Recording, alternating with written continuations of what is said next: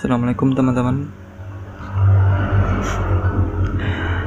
Ini nih Kalau nggak teliti nih gini. Jadi tadi tuh sebenarnya udah rekaman Udah selesai bahas semuanya. Tapi waktu aku cek lagi Ternyata Berhenti di tengah jalan. Bukan di tengah, di awal-awal Bahkan terhentinya. Ya Allah. Jadi aku harus ngulang dari awal Oke, nggak apa-apa. Aku ngulang dari awal deh. Jadi episode kali ini tuh episode yang cuma ngebahas postingan-postingan di Instagram gitu doang. Jadi kalau ada Insta eh, postingan yang kayaknya keren, kayaknya bisa nih, bisa nih dibahas, bisa nih didiskusiin, ya kita buat podcastnya gitu. Ntar aku cek nih nanti nggak ngerekam lagi berbahaya nih. Oke masih ngerekam. Oke aman. Lanjut. Jadi di sini aku ngebahas tentang apa nih? Kirimannya atau postingannya literasi Quran. At literasi Quran yang judulnya ketika insecure menyesak dada. Asik kebanyakan dari kita nih pasti ngerasa insecure ya ngerasa khawatir ngerasa banyak salah gitu. Tenang ini kita bak nggak akan ngebahas masa lalu kalian nggak akan bahas tentang hal-hal yang aneh-aneh. Kita cuma ngebahas tentang postingan ini doang subjudulnya tuh ketika insecure mensak dada. Subjudulnya kekhawatiran kamu sebenarnya ibarat bayangan. Ia terlihat besar padahal aslinya biasa saja. Oke. Asik kayaknya nih. Slide kedua. Hari-hari ini makin banyak di antara kita perasaan sedih dan khawatir tentang beban masa lalu tentang hari ini, tentang masa depan. Kemudian, kita memakannya dengan berbagai macam istilah. Contoh, quarter life crisis atau overthinking atau juga insecure. Nah, mungkin dari kita tuh kebanyakan nyebutnya insecure gitu ya, tapi kurang lebih samalah uh, artinya cek kayaknya masih ngerekam. Ini kalau nggak dicek terus nih bahaya nih. Nanti tengah jalan habis lagi. Oke next lanjut. Slide ketiga. Meski definisinya berbeda tapi muatannya sama. Sama-sama menyasar hati dan pikiran yang ujungnya tak tenang. Keadaan dunia yang serba berubah ini seperti pelari cepat. Kita dibuat terseok-seok dan terlunta-lunta mengejarnya agar tak tertinggal benar mengejarnya agar agar tak tertinggal. Benarkah begitu? Ya gak sih? Tapi benar, dunia saat ini tuh mengalami disrupsi yang sangat besar sekali, mengalami perubahan yang sangat cepat sekali, cepat banget. Dulu kalau kalian dulu kalau teman-teman kalian kelahiran 99 tuh pasti teman-teman ngerasain yang zamannya pakai HP eh, Nokia. Nokia habis itu HP itu habis Nokia itu transformasinya ke apa ya? Oh BlackBerry. Iya BlackBerry. Iya kayaknya sih. Oh iya Nokia habis itu BlackBerry nah habis BlackBerry ini baru muncul Android. Kayaknya tuh baru kemarin-kemarin kita pakai Nokia. Kita pakai BlackBerry tapi tiba-tiba semuanya itu udah hilang. Ditelan masa digantikan oleh Android dan uh, iPhone atau iOS. Lanjut. Kekhawatiran kamu sebenarnya ibarat bayangan ia terlihat besar padahal aslinya biasa saja di saat khawatir dan sedih itu datang Biasanya untuk menetralkan diri, agar tak berlarut-larut tersandera dengan kekalutan pikiran kita sendiri. Kekhawatiran kamu sebenarnya ibarat bayangan. Ia terlihat besar padahal aslinya biasa saja. Di saat khawatir dan sedih itu datang, biasakan untuk untuk menetralkan diri agar tak berlarut-larut tersandera dengan kekalut kekalutan pikiran kita sendiri. Ini bener banget. Kalau kita di zaman sekarang tuh nggak bisa jaga hati, nggak bisa jaga pikiran, nggak bisa kontrol emosi, ini bakal fat, fatal fatal banget bakal apa ya membuat diri kita tuh ngelakuin hal-hal yang nggak baik hal-hal yang nggak bermanfaat hal-hal yang hmm, nggak hmm, buat kita produktif kayak gitu lanjut by the way ternyata 1400 tahun yang lalu Rasulullah SAW sudah memberikan kita tuntunan bagaimana menghadapi insecurity. Ya, gitu. Jadi 1400 tahun yang lalu tuh Rasulullah sudah memberikan kita tahapan-tahapan, pola-pola atau pattern-pattern bagaimana kita menghadapi rasa insecure, rasa nggak enak, rasa nggak nyaman di dada, rasa sakit di dada. rasa sakit akan masa lalu. Ya oke lanjut. Nggak usah dibahas. Di sini penulis uh, memberikan suatu hadis aku bacain ya Allahumma inni a'udzubika minal hammi wal hazan Ya Allah, aku ulang Allahumma inni a'udzubika minal hammi wal hazan. Ya Allah, aku berlindung padamu dari alham dan al-hazan. Hadis riwayat Al-Bukhari. Apa itu alham dan al-hazan? Kenapa kita harus berlindung dari alham dan al-hazan? Mari kita bahas. Alham diartikan sebagai gelisah dan al-hazan pakai Z al-hazan diartikan sebagai kesedihan. Padahal tidak sesederhana itu pengertiannya. Lanjut, next slide ke-6. Udah slide ke-6 aja. Kayaknya cepat banget. Oke, kebas lagi. Dalam Fathul Bari dan Fathul Qadir, makna alham adalah perasaan adalah perasaan menyakitkan di hati yang terjadi karena khawatir akan masa depan, future. Sedangkan al-hazan adalah rasa pedih di jiwa yang bersebab pada sesuatu di masa lalu pas. Keduanya jadi perangkap buat hati. Jadi gini, kalau alham itu rasa nggak enak, rasa nggak nyaman di hati, yang terjadi karena khawatir akan masa depan, khawatir akan gimana nanti kita makan apa, eh, nanti kita sukses atau enggak, nanti kita kehidupannya gimana, nanti nanti nanti nanti nanti nanti masa depan, future, intinya khawatir akan future akan masa depan.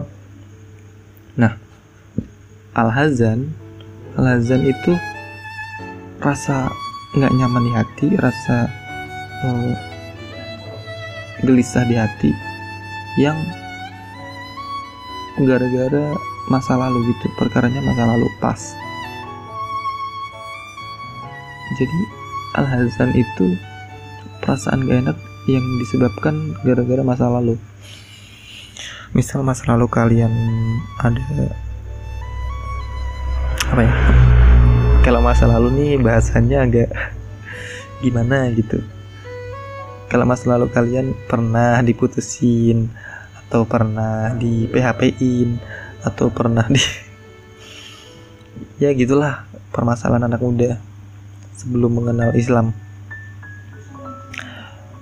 Perasaan-perasaan kayak gitu tuh yang disebut al-hazan gitu perasaan yang disebabkan oleh masa lalu next rasa insecure atas masa lalu dan masa depan perlu kita minta pada Allah agar kita dijauhkan atau dihilangkan rasa-rasa seperti itu. Sebab ia bisa menggoyahkan semangat seorang hamba dalam hidupnya. Oke, bentar aku bahas dulu. Bener banget. Rasa insecure, rasa sedih, rasa yang berat atau gimana ya. Kayaknya hidup ini berat banget. Kayaknya hati kita tuh ngerasa tuh kayak ya Allah kok ujiannya berat banget buat aku? Kok eh, apa ya? Kok gini banget hidup? Kok capek banget? Kok rasanya pengen udah aja gitu? Udah apa dulu? Rasanya pengen cepet-cepet dihalalin supaya nggak kerja lagi supaya nggak cari duit lagi. Ini kebanyakan teman-temanku kayak gitu sih. Yang cewek. Yang cewek tuh biasanya kalau kalau cerita tuh mereka tuh udah capek buat kerja. Udah capek buat nyari duit. Pengennya dihalalin. Pengennya dinafkain kayak gitu. Lanjut. Jadi rasa-rasa kayak gitu tuh bisa ngebuat kita nggak uh, tenang. Bisa ngebuat kita ngelakuin hal-hal yang nggak produktif ngelakuin hal-hal yang nggak bermanfaat buat diri kita sendiri. Lanjut. Ia bisa merobohkan prioritas pikirannya dan ia bisa mengalihkan perhatian hamba dari pintu-pintu kebaikan. Ia hidup bukan untuk menjalani harinya sehingga ia tak maksimal dalam setiap detik perjalanannya. Dan jadi sama kan yang sama uh, yang aku bahas tadi emang perasaan kayak gini tuh kalau kita nggak bener-bener eh, pinter ngendaliinnya. Kita tuh bakal terjebak dalam perasaan kayak gini. Kita tuh bakal ngerasa kalau kita nih ngelakuin apa pun tuh nggak ada gunanya. Ya kita tuh nggak nggak ngelakuin hal apa pun yang berguna buat kita. Kita jadi males-malesan kita jadi uh, sering baper. Padahal sebenarnya juga biasa aja. Kita jadi nggak bisa ngelakuin hal-hal yang sebenarnya bisa ngebuat kita produktif atau ngebuat kita jadi lebih baik lagi. Karena perasaan-perasaan itu tadi. Oke lanjut. Apa solusinya kemudian?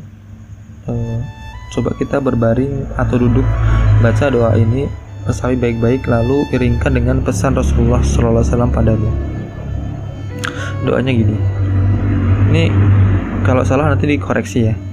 Mangkanat lakhiratu hammuhu ja'alallahu ghinahu fi qalbihi wa jama'alahu syamlahu wa wa antahud dunya. Yang artinya siapa yang menjadikan akhirat sebagai tumpuan orientasi hidupnya maka Allah akan menjadikan keluasan pada hatinya dan dikumpulkan buatnya kebaikan-kebaikan dan didatangkannya dunia. Hadis riwayat Tirmizi. Next terakhir slide terakhir dari penulis memberi kesimpulan eh, apa pun pekerjaannya surgalah yang jadi obsesinya. Jadi si penulis menitik beratkan kalau kita punya pekerjaan apa pun kita punya passion apa pun kita punya aktivitas apa pun usahain. Semua itu tidak didasarkan sama surganya Allah. Kita mengharap surganya Allah kita mengharap eh, ridhonya Allah. Karena kalau kita terjebak dengan perasaan kayak gini kita bakal nggak bisa ngelakuin hal yang produktif seperti yang kita yang aku jelasin tadi. Sebenarnya juga perasaan ini tuh perasaan yang datang dari was-was syaitan.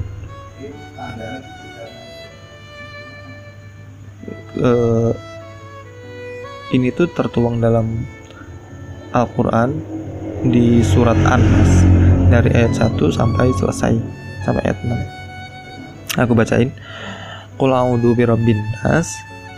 Katakanlah aku berlindung kepada Tuhannya manusia.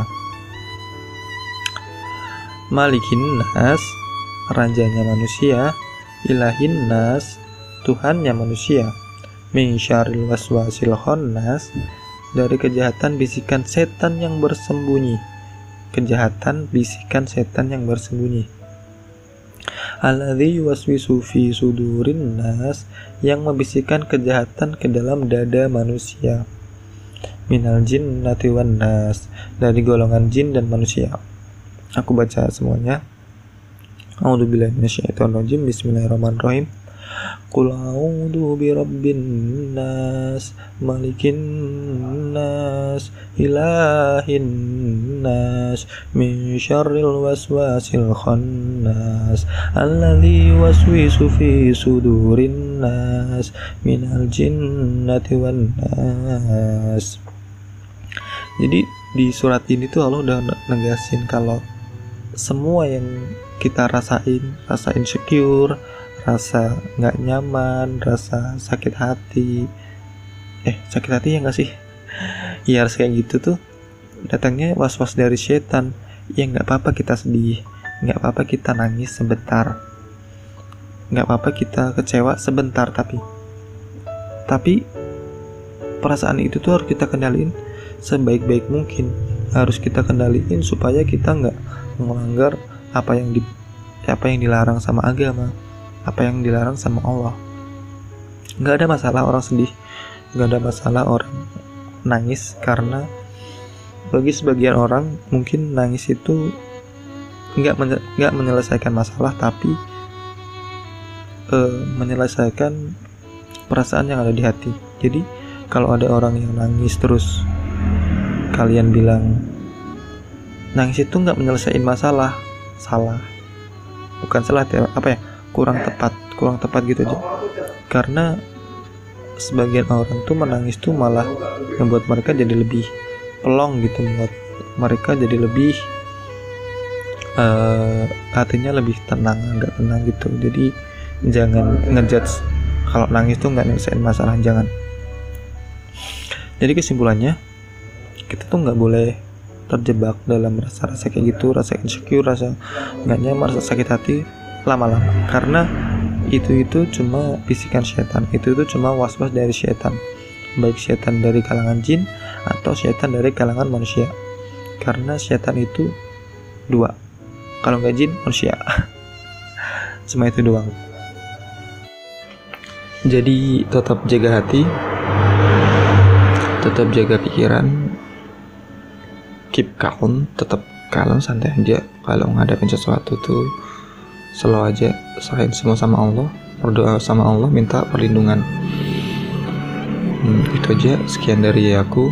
Kalau misalkan ada salah kata atau salah penafsiran atau yang gimana mo mohon dimaafkan. Karena aku juga manusia pasti tempatnya salah. Yang nggak pernah salah itu malaikat sama wanita. Karena wanita nggak pernah salah dan cowok selalu salah Oke, okay, kalau ada benernya itu dari Allah dan Rasulnya. Kalau kalian rasa postingan ini bermanfaat, kok postingan sih podcast, podcast ini bermanfaat, bisa uh, nambah ilmu kalian, nambah wawasan kalian, membuat kalian jadi lebih ada gunanya sedikit lah. Bisa kalian share ke teman-teman kalian, bisa kalian hmm, bagiin di story kalian supaya teman kalian bisa dapat pandangan baru, bisa dapat informasi baru yang bisa merubah sudut pandang mereka gitu. Oke, sekian dari aku. Selamat uh, menikmati apa sih? Sampai berjumpa di episode-episode selanjutnya. Assalamualaikum warahmatullahi wabarakatuh.